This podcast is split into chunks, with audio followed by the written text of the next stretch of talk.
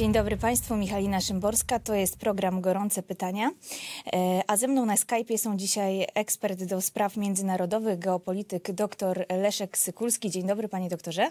Mm, dzień dobry, e, dzień dobry, dzień dobry, witam serdecznie. Oraz profesor e, Tomasz Grosse, politolog z Uniwersytetu Warszawskiego. Dzień dobry Panie profesorze.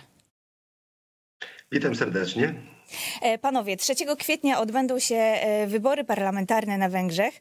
E, wiemy, że partia Fidesz prowadzi w sondażach, natomiast potępiające głosy Orbana nie ustają i z prawej i z lewej strony. Ja chciałam na samym początku zapytać, może tak dosyć kontrowersyjnie, komu tak naprawdę zależy na skłóceniu Polski z Węgrami i mm, czy to nie oznacza osłabienie naszej pozycji w ramach V4? Może zaczniemy od profesora Grossa. No, skąd się bierze e, cała, e, całe to zamieszanie, to dość e, jest oczywiste. Mm, polski rząd się zaangażował bardzo mocno, jeśli chodzi o kampanię na rzecz wsparcia Ukrainy, a premier Orban, Węgry mm, zachowały się zupełnie inaczej, nie chcąc e, ani wspierać Ukraińców, ani e, drażnić Rosjan, są bardzo silnie zależni ekonomicznie od dostaw źródeł energii ze strony Rosjan. W związku z tym nie chcieli tutaj kłaść na szale swojego bezpieczeństwa energetycznego, bezpieczeństwa ekonomicznego. A dodatkowo, jak wiemy, od wielu lat są też w pewnym konflikcie, jeśli chodzi o samą Ukrainę i mniejszość e, węgierską w tym kraju. E, ja zgadzam się generalnie z panią, że my powinniśmy podejść e, do tej sytuacji w sposób bardziej elastyczny. Dlatego, że niezależnie od tej różnicy w stosunku do Ukrainy i w stosunku do Rosji, która jest oczywista, zresztą tak naprawdę ona była już wcześniej widoczna pomiędzy stroną polską a węgierską. My mamy wspólny interes, jeśli chodzi o Europę Środkową i przede wszystkim. Tą grupę musimy... wyszehradzką. Tak, tak. Jeśli chodzi o grupę e, wyszehradzką, przepraszam. Ale to, co jest e, istotne, e, musimy pielęgnować instytucje, które przez wiele lat współtworzyliśmy i nie doprowadzić do sytuacji, że ten kryzys w naszych e, relacjach, a tak naprawdę w e, odmienne spojrzenie na konflikt ukraiński, na wojnę na Ukrainie, doprowadziłaby do no, pewnego rodzaju kryzysu w funkcjonowaniu samych instytucji w Europie Środkowej. E, tak, teraz pytanie to samo do pana doktora. Panie doktorze, komu najbardziej zależy, żeby e, nas skłócić z Węgrami i jeżeli, e, jeżeli już byśmy stracili tak silnego sojusznika jak Węgry, to kto ewentualnie mógłby go zastąpić? Czy w ogóle jest taka opcja, pana zdaniem? Mm, w tej całej układance politycznej myślę, że bardzo ważnym elementem jest y, to, co mm, te, ten wyrok, który, mm, który y, ogłosił Trybunał Sprawiedliwości e, Unii Europejskiej, właściwie no po prostu uznał tak zwany mechanizm e, warunkowości za zgodny z prawem Unii Europejskiej. Stało się to 16 lutego y, tego roku. No i tym samym Trybunał Sprawiedliwości Unii odrzucił skargę Polski i Węgier. No i tak naprawdę otworzył furtkę do wstrzymywania unijnych funduszy dla mm, krajów, w których, jak, jak to określił, jest naruszana reguła e, praworządności. E, I te mm, wytyczne dotyczące stosowania tak zwanego mechanizmu warunkowości, który uzależnia korzystanie z pieniędzy z unijnego budżetu od poszanowania praworządności, by jest, y, no były czymś i są czymś, co łączy e, interes Polski i Węgier. I niewątpliwie mm, jest to element bardzo silnego nacisku na Budapeszt i na Warszawę. Do tej pory mm, Polska i Węgry, no, można powiedzieć, ramię w ramię y, właściwie trzymały tę linię wspólną, jeśli I chodzi czy, o Panie doktorze, od razu wejdę panu w słowo, czy będziemy mogli nadal liczyć na wsparcie Węgier właśnie w formacie Unii Europejskiej po, e, po tej całej nagonce, którą e, teraz obserwujemy? No, to jest fundamentalne pytanie. To jest fundamentalne pytanie, jak zmienią się relacje polsko-węgierskie. Widzimy y, już te, y, ten wielki protokół rozbieżności. To, że 1 lutego y, tego roku, jeszcze, jeszcze przed wyrokiem TSUE, premier Orban i minister Sijarto, szef węgierskiej dyplomacji, złożyli wizytę, oficjalną wizytę w Moskwie, to moim zdaniem nie jest żaden przypadek. Pamiętajmy, że kontrakt gazowy między Węgrami a Rosją jest opiewa na 4,5 miliarda metrów sześciennych rocznie z możliwością dodatkowego miliarda, który Węgry mogliby, mogłyby sprzedawać. Do tego pamiętajmy, że przecież jedyna elektrownia jądrowa na Węgrzech została wybudowana przez Rosatom. Mówimy o elektrowni jądrowej w Pax, tam są cztery y, reaktory, a po tej wizycie y, z 1 lutego mówi się o możliwości budowy kolejnych dwóch y, tych reaktorów. Biorąc pod uwagę fakt, że na Zakarpaciu jest liczna mniejszość węgierska, że to y, po dziś dzień tak naprawdę mm, jest bardzo istotny protokół rozbieżności między Budapesztem a Kijowem, no pokazuje, że w tej Grupie Wyszehradzkiej mamy bardzo y, istotne votum separatum, jeśli chodzi o relacje tych czterech, tych czterech państw tworzących Grupę Wyszehradzką. I moim zdaniem Węgry dzisiaj realizując od wielu, wielu lat politykę wielowektorową, czy politykę, którą minister Sijarto nazywa strategią otwarcia na wschód, no niewątpliwie dystans dystansują się wobec polityki Warszawy i w mojej ocenie, y, bez względu na wynik najbliższych wyborów, te rozbieżności będą się pogłębiały między Budapesztem a Warszawą. E, tak, może już teraz skończmy temat e, Węgier i relacji polsko-węgierskich. Mam nadzieję, że jeszcze ewentualnie uda się nam do tego tematu dzisiaj wrócić. Ja chciałam teraz przejść e, do, do naszych stosunków z Amerykanami. Mieliśmy szereg wizyt, bardzo ważnych wizyt urzędników amerykańskich w Polsce, z, oczywiście z, z, na czele z wizytą Joe Bidena. Pojawiły się takie głosy, że właśnie natężenie tych wizyt dyplomatycznych w tak krótkim czasie może oznaczać to, że Polska faktycznie faktycznie jest e, zagrożona e, atakiem jądrowym ze strony e, Rosji. Ja chciałam tutaj zacząć od pana profesora Grosse. Panie profesorze, czy faktycznie, jeżeli doszłoby do tego, miejmy nadzieję, że nie dojdzie, jeżeli Polska byłaby zaatakowana przez Rosję, to czy USA mm, byłyby gotowe na konfrontację nuklearną? Zacznijmy przede wszystkim od y, tej możliwości ataku y, ze strony rosyjskiej. Ja uważam, że w tej chwili chyba to nie jest y, bardzo prawdopodobne. Oczywiście istnieje zawsze taka możliwość w sytuacji, kiedy strona zachodnia w gruncie rzeczy prowadzi konflikt na Ukrainie z mocarstwem atomowym. Ale w moim przekonaniu ryzyko e, eskalacji tego konfliktu, e, e, szczególnie na poziomie nuklearnym z Zachodem, w obecnej sytuacji raczej jest niskie. Jeśli chodzi o, to, jaka będzie odpowiedź Zachodu na tego typu działanie, no, w czasie tej wizyty prezydenta Bidena, o której pani wspomniała, on położył bardzo duży nacisk na to, żeby e, przypominać Rosji o gwarancjach sojuszniczych.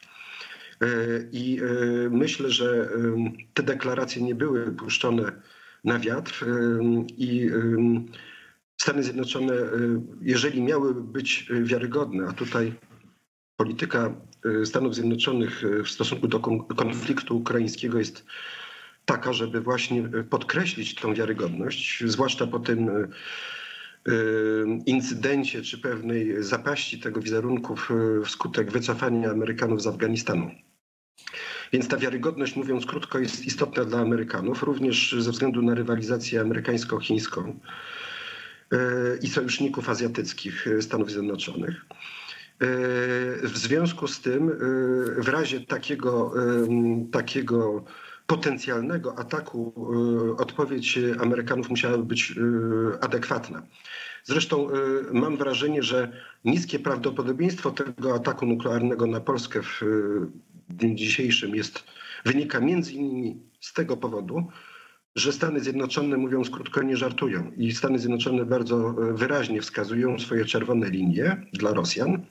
I te, taką czerwoną linią jest to, że y, y, Rosjanie nie mogą zaatakować żadnego kraju y, natowskiego. Mhm. I teraz doktor Leszek Sykulski. Panie doktorze, pan profesor wspomniał o tym, że o, tej, o tym wycofywaniu wojsk z Afganistanu, co było też, można powiedzieć, taką słabością, widoczną e, bardzo e, słabością e, Zachodu, tak to można potraktować. Jak pan by się do tego odniósł? Czy faktycznie moglibyśmy liczyć na ten kontr, kontratak ze strony USA, gdyby Rosja zaatakowała Polskę i czy faktycznie, czy faktycznie tak jest, że w kontekście tych tych wydarzeń, które, które miały miejsce, chociażby jak wycofywanie wojsk z Afganistanu, czy możemy opierać swoje bezpieczeństwo wyłącznie na sojuszu z USA?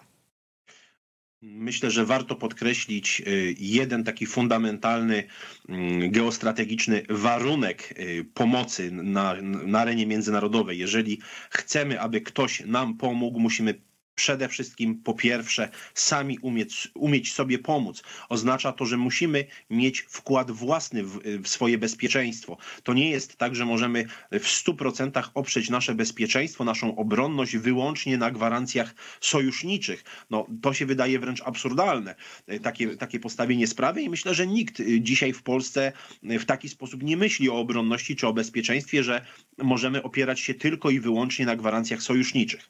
W mojej opinii gdyby Polska była zagrożona w sposób bezpośredni, y, militarnie, NATO przyjdzie Polsce z pomocą. Nie wiem w jakiej skali byłaby to pomoc. Trudno mi y, tutaj, nie mając dostępu do informacji niejawnych, nie mając dostępu do informacji wywiadowczych y, twierdzić, jaka byłaby to skala pomocy, kiedy by ona przyszła, y, jak długo musielibyśmy na nią czekać i tak dalej, i tak dalej. Czy wszystkie państwa natowskie by jej udzieliły, a jeśli tak, to w jakiej proporcji? To są szczegółowe kwestie, które są objęte e, oczywiście klauzulami niejawności i do tego w opinia, opinia publiczna nie ma dostępu. Niemniej jednak uważam, że przywództwo Stanów Zjednoczonych no, wymusza tego typu działania, jak wsparcie militarne państwa sojuszniczego za zaatakowanego przez jakikolwiek inny kraj spoza, spoza NATO.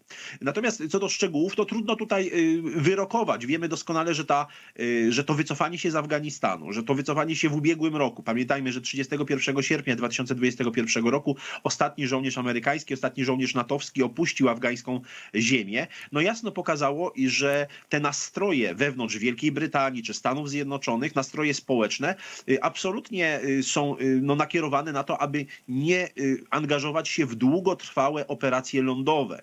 E, I także doktryna obronna e, Wielkiej Brytanii, która, która zmieniła się w, na jesieni ubiegłego roku, również nie zakłada długotrwałych operacji lądowych. No to jasno pokazuje, że te akcenty, e, rozłożenie tych akcentów, jeśli chodzi o pomoc ewentualną, prawda?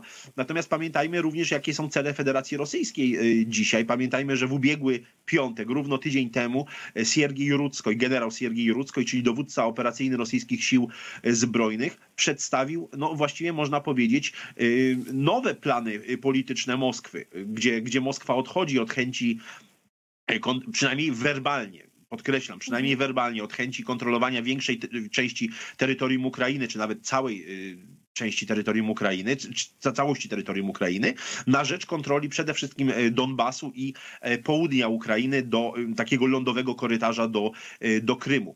Myślę, że Moskwa doskonale sobie zdaje sprawę, że nie ma dzisiaj szans na opanowanie całej Ukrainy bez przecięcia linii komunikacyjnych, linii logistycznych, które łączą Ukrainę z Zachodem. Mimo tego, że Ukraina nie jest w NATO, to główna pomoc przecież przychodzi ze strony państw członkowskich Sojuszu Północnoatlantyckiego Zatem y, Polska staje się takim głównym stworzeniem geostrategicznym, takim głównym hubem logistycznym, y, także w kontekście militarnym, y, jeśli chodzi o wsparcie Ukrainy. No i oczywiście tutaj można, można snuć różne scenariusze i moim zdaniem jeden, jeden z tych scenariuszy, który niestety mhm. trzeba brać pod uwagę, to jest możliwość wykonania jakiejś prowokacji wobec Polski i sprowokowania konfliktu militarnego między Polską a państwem związkowym Rosji i Białorusi. Tak, panie profesorze, jeszcze tak tak chciałam, żeby pan się krótko odniósł do tego, czy faktycznie e, pan się zgadza z tym, że to ryzyko e, tego, tej prowokacji rosyjskiej jest bardzo duże, jeżeli chodzi właśnie o scenariusz rozszerzenia tego konfliktu polsko-ukraiń, e, rosyjsko-ukraińskiego, przepraszam.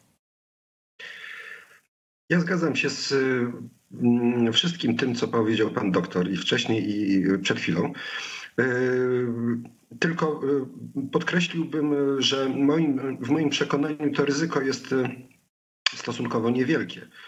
E, na tym etapie e, działań. Mm, Rosja raczej, moim zdaniem, będzie chciała uzyskać jak największe na miarę swoich sił, e, a musimy pamiętać, że jest w tej chwili armia rosyjska wyczerpana, a po drugie pozbawiona odpowiednich rezerw. Więc będzie chciała w miarę możliwości odnieść największy możliwy sukces na Ukrainie. Natomiast jaka, jakakolwiek eskalacja w tym momencie moim zdaniem jest raczej trudna do wyobrażenia. Raczej spodziewałbym się tego, że będzie chciała tak. no, jakoś ten konflikt zakończyć. Panie profesorze, ja pozwolę jeszcze panu dokończyć po przerwie. Za chwilę się widzimy z państwem. Moimi państwa gośćmi są dzisiaj dr Leszek Sykulski i profesor Tomasz Grossy. Michalina Szymborska, to jest program Gorące Pytania. Witam Państwa po przerwie. Ja przypomnę, że dzisiaj moimi gośćmi są profesor Tomasz Grossy oraz doktor e, Leszek Sykulski. Panie profesorze, ja Panu przerwałam e, niestety, a mówił Pan o możliwym scenariuszu e, wojny mm, rosyjsko-ukraińskiej. W moim przekonaniu generalnie ze względu na przebieg tej wojny i różnego rodzaju słabości, która ta wojna obnażyła po stronie rosyjskiej. E, spodziewam się raczej nie chęci do eskalacji tego konfliktu e, w tym momencie ze strony Moskwy, ale raczej e, pewnej tendencji do mm, uzyskania w, w miarę szybko jak największych sukcesów na, na polu militarnym, jeśli to jest w ogóle możliwe. No i y, zamrożenia tego konfliktu, zakończenia tego konfliktu na, na jak najbardziej korzystnych dla Rosji warunkach. Y, w związku z tym w tym y, momencie nie spodziewam się eskalacji, ale to wcale nie oznacza, że w przyszłości Rosja nie wróci do tej rozgrywki, jak odrobi tą lekcję pewnych błędów, które popełniła i się lepiej przygotuje. Panie doktorze, teraz pan krótko scenariusz rozwoju wojny. No, myślę, że y, ta konferencja, mm, ta konferencja prasowa, mm, która odbyła się, ten briefing, mm, który odbył się w ubiegły piątek generała Siergieja Rudzkoja, dowódcy operacyjnego rosyjskich sił zbrojnych, jasno wskazuje, że e, Rosja zamierza się koncentrować teraz na wschodzie i na południu e, Ukrainy.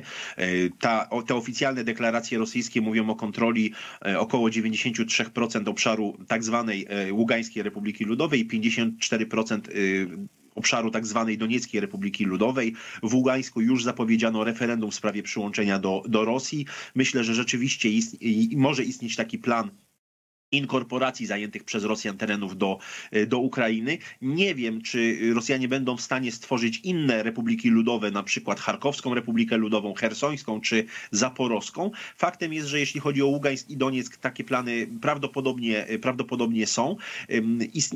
Tym takim planem operacyjnym minimum jest odcięcie e, Ukrainy od Morza Azowskiego, czyli pełna kontrola nad Mariupolem w tym, w tym aspekcie. W takim celem sensu largo y, operacyjnym byłoby odcięcie Ukrainy w ogóle od morza, czyli tak, od, tak, nie tylko od Morza Azowskiego, ale od Morza Czarnego, ale myślę, że na to dzisiaj y, na początku, w pierwszym tygodniu kwietnia jest zbyt mało sił rosyjskich. Rosjanie będą grali na czas. Rosjanie potrzebują czasu do przegrupowania, do przeprowadzenia dodatkowej mobilizacji. Myślę, że ten y, konflikt może być rzeczywiście konfliktem zamrożonym, tak, bo Rosji po prostu jest potrzebny czas, więc tutaj myślę, że Rosja będzie grała, będzie grała właśnie na czas. A Stanom Zjednoczonym też zależy na tym, żeby ta wojna się przedłużała, e, panie profesorze? Myślę, że Stanom Zjednoczonym e, przede wszystkim zależy na tym, żeby dać bardzo wyraźny sygnał e, Chinom, że Zachód jest zjednoczony i Stany Zjednoczone, które są przywódcą Zachodu, odpowiadają zdecydowanie na agresję rosyjską. I że w przypadku eskalacji konfliktu w Azji zwłaszcza e, agresji chińskiej na Tajwan, będzie zdecydowana, równie zdecydowana odpowiedź e, Zachodu.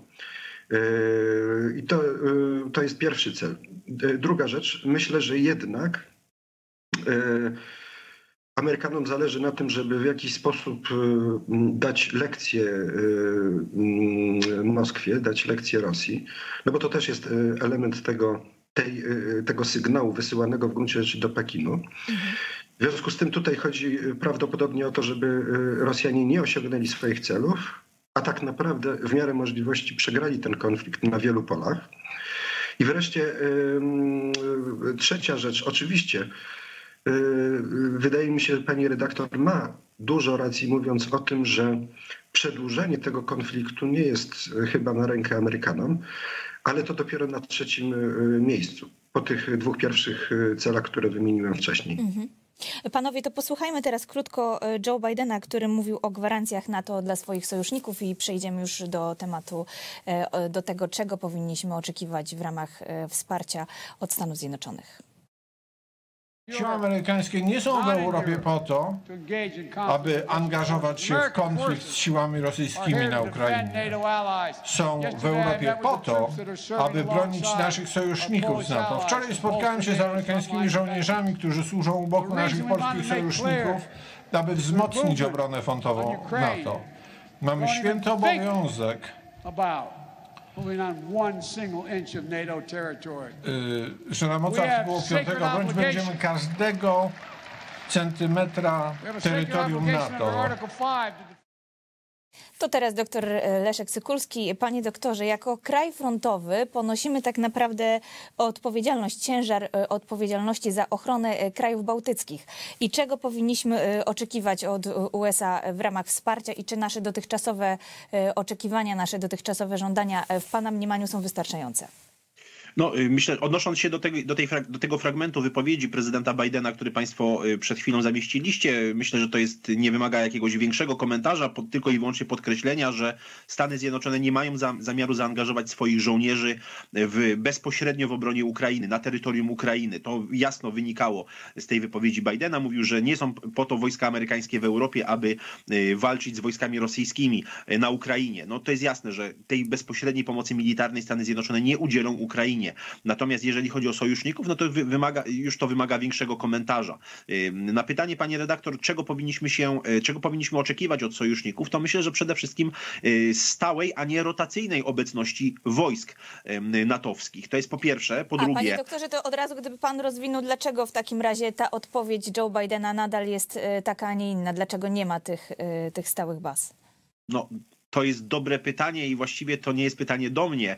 E, to jest pytanie do osób, które posiadają e, informacje, no powiedziałbym takie insiderskie e, z, z, z kręgu establishmentu polskiego i, i amerykańskiego. To jest pytanie także do służb specjalnych właściwie, które w sposób nieoficjalny, w sposób zakulisowy negocjują pewne, pewne kwestie. No ja przypomnę, że Polska ma pogłębioną umowę o współpracy obronnej ze Stanami Zjednoczonymi, natomiast nie znamy wszystkich szczegółów tej, tej, tej umowy, y, tych, które nie zostały przedstawione opinii publicznej, bo jakby ten dokument oficjalny oczywiście znamy, natomiast y, przeważnie w tego typu y, delikatnej materii są różnego rodzaju załączniki, są różnego rodzaju szczegółowe, no nazwijmy to aneksy do, do, ty, do tych umów, które mają charakter klauzuli poufności, klauzuli właściwie niejawnej, ściśle tajnej w tym zakresie. I to rzeczywiście może zastanawiać, dlaczego dzisiaj prezydent Biden, dlaczego podczas tej wizyty dwudniowej 25-20 marca tego tego roku e, w Polsce, e, nie przedstawił większej liczby szczegółów. Zabrakło moim zdaniem konkretów, bo to, że mamy rotacyjne wojska e, amerykańskie, rotacyjny kontyngent amerykański w Polsce, to, to jest jedna sprawa. Natomiast Dlaczego w obliczu y, wojny za naszą wschodnią granicą nie zmienia się ten, y, to, ta rotacyjna obecność w stałą? Dlaczego nie ma tutaj planów y, ogłoszonych przynajmniej opinii publicznej przerzucenia ciężkich, przynajmniej brygad pancernych, które rzeczywiście są istotne, no bo tu nie chodzi tylko i wyłącznie o jednostki powietrzno, powietrzno-desantowe, które są oczywiście elitarne, bardzo istotne, jeśli chodzi o sztukę, sztukę wojenną, ale z punktu widzenia tego doświadczenia, które już wyciągnęła Ukraina w wojnie z Rosją, widać, że jednostki pancerno-zmechanizowane odgrywają bardzo dużą rolę na nizinie, środko, na nizinie wschodnioeuropejskiej. No i myślę, że nie inaczej byłoby na nizinie środkowoeuropejskiej, czyli na obszarze Polski. W związku z tym to, to wsparcie pancerno-zmechanizowanie, wsparcie artyleryjskie jest równie e, istotne, co wsparcie wywiadowcze, wsparcie cybernetyczne, wsparcie jeśli chodzi o wojska radioelektroniczne e, i tak dalej, i tak dalej. Związku, oczywiście również moglibyśmy sobie życzyć, aby i oczekiwać od Stanów Zjednoczonych przynajmniej przyspieszenia realizacji zamówienia na baterię Patriot. Chodzi o system obrony powietrznej. Również e, jeżeli chodzi o artylerię rakietową, e, cały program e, zakupu HIMARSów amerykańskich również moim zdaniem powinien być przyspieszony i to, tutaj Polska powinna bardzo mocno naciskać. To teraz profesor Tomasz Grosse. Czy faktycznie to, to wsparcie, które, którego udzielają nam Stany Zjednoczone w Pana ocenie jest wystarczające, a jeżeli nie, to, to, to czego należy oczekiwać?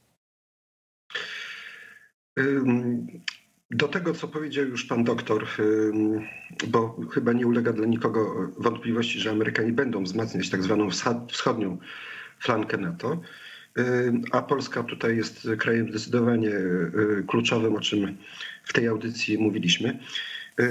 Wydaje mi się, że Amerykanie mogą też wspierać nasze wysiłki na rzecz reformy czy wzmocnienia polskich sił zbrojnych. I tutaj to uzbrojenie, o którym pan doktor mówił, będzie jednym z elementów właśnie tego typu wsparcia, chociaż problem jest dużo głębszy i wymaga też przerobienia przez polskie wojsko lekcji płynących z Ukrainy i tego, w jaki sposób rzeczywiście kształtować w przyszłości potencjał polskiej armii, żeby ona jak najlepiej wykorzystywała pewne zasoby. Tutaj chodzi też o polski przemysł i o wiele różnych innych rzeczy, które powinny być dostosowane do tej lekcji. E, wreszcie kolejna rzecz. Ja bym się spodziewał w większym stopniu tego, że Amerykanie będą wspierać nas na arenie europejskiej. Skoro my jesteśmy takim kluczowym sojusznikiem, to nie można pozwolić na to, żeby Zachód Europy nas osłabiał pod względem wizerunkowym i pod względem gospodarczym.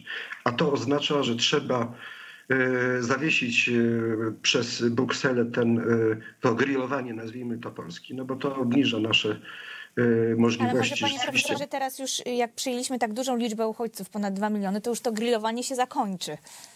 Miejmy taką no, nadzieję. Tak rzeczywiście powinno być, tylko czy tak będzie, to my tego nie wiemy. Wręcz przeciwnie, są różne sygnały z Brukseli na ten temat. I to nie jest tylko kwestia wizerunku. E, ale to jest kwestia też e, dofinansowania Polski w bardzo trudnym momencie, bo jesteśmy tak jak wszyscy obciążeni przez kryzys migracyjny, ale nawet w większym stopniu niż e, inne państwa członkowskie. Po drugie, mm, tak jak inni będziemy też narażeni na bardzo duże reperkusje, jeśli chodzi o kwestie sankcji europejskich nałożonych na Rosję reperkusje o charakterze ekonomicznym. W związku z tym kryzys w nas uderzy. I odbieranie nam w tym momencie funduszy europejskich to naprawdę jest krecia robota. Amerykanie moim zdaniem Mam nadzieję, że mają tego świadomości. Mam nadzieję, że będą nas w tym momencie wspierali, bo to jest również w ich interesie, bo jesteśmy węzłowym e, krajem e, wschodniej flanki NATO. Jeszcze e, pozwolę sobie dodać jedną rzecz, moim zdaniem bardzo ważną. Otóż cały czas w Europie jest rozgrywka pomiędzy dwoma wizjami geopolitycznymi. My reprezentujemy tą wizję transatlantycką. Zachód do tej pory bronił tak zwanej autonomii strategicznej. To ma też pewne konsekwencje, jeśli chodzi o rozwiązania ustrojowe. My chcieliśmy bardziej Unii zdecentralizowanej. Niemcy i Francja dążyły do centralizacji i federalizacji. Amerykanie Amerykanie w imię swoich dobrze rozumianych interesów powinni nas wesprzeć również jeśli chodzi o tą naszą wizję geopolityczną, bo ona jest zgodna z interesami Waszyngtonu. E, tak, panie doktorze, teraz ja bym chciała, żeby pan y, krótko nawiązał do tego, co powiedział profesor Tomasz Grosse i też już, żeby pan się odniósł do tego, czy faktycznie mamy teraz do czynienia ze zmianą y, kierunku polityki niemieckiej. Y, czy, czy Niemcy tak naprawdę zrezygnują z dostaw rosyjskiego gazu? Jak pan to ocenia? Te, te ostatnie wydarzenia, które też miały miejsce musimy sobie zdawać sprawę, że nie byłoby tych y, ambicji neoimperialnych Władimira Putina, bo myślę, że to, co się wydarzyło 24 lutego tego roku, czyli ta nowa odsłona inwazji rosyjskiej na Ukrainę, mm, jest niczym innym jak emanacją już ambicji neoimperialnych, próbą odbudowy imperium rosyjskiego. Y, moim zdaniem nie byłoby tych ambicji neoimperialnych Władimira Putina, gdyby nie, ostatnia, gdyby nie ostatnie dwie dekady, gdyby nie polityka niemiecka w ciągu ostatnich dwóch dekad nakierowana wprost na partnerstwo niemiecko-rosyjskie. Chyba nawet wcześniej niż dwóch dekad, panie, panie doktorze, bo to chyba od zawsze trwa ten sojusz strategiczny Niemiec z Rosją. Niemcy mają ogromną skłonność do wchodzenia w bardzo bliskie, ścisłe relacje geostrategiczne y, z rosyjskim ośrodkiem siły, tak to yy, panie, ujmę. Panie doktorze, ja bardzo pana przepraszam, ale niestety musimy kończyć, czasu nam zabrakło. Ja mam nadzieję, że będziemy jeszcze się widzieli, że będziemy wracać do tej rozmowy. Ja e, chciałam państwu przypomnieć, że dzisiaj moimi państwa gośćmi byli e, dr Leszek Sykulski i profesor profesor Tomasz Gross, Michalina Szymborska. Bardzo dziękuję Państwu, że byliście Państwo z nami.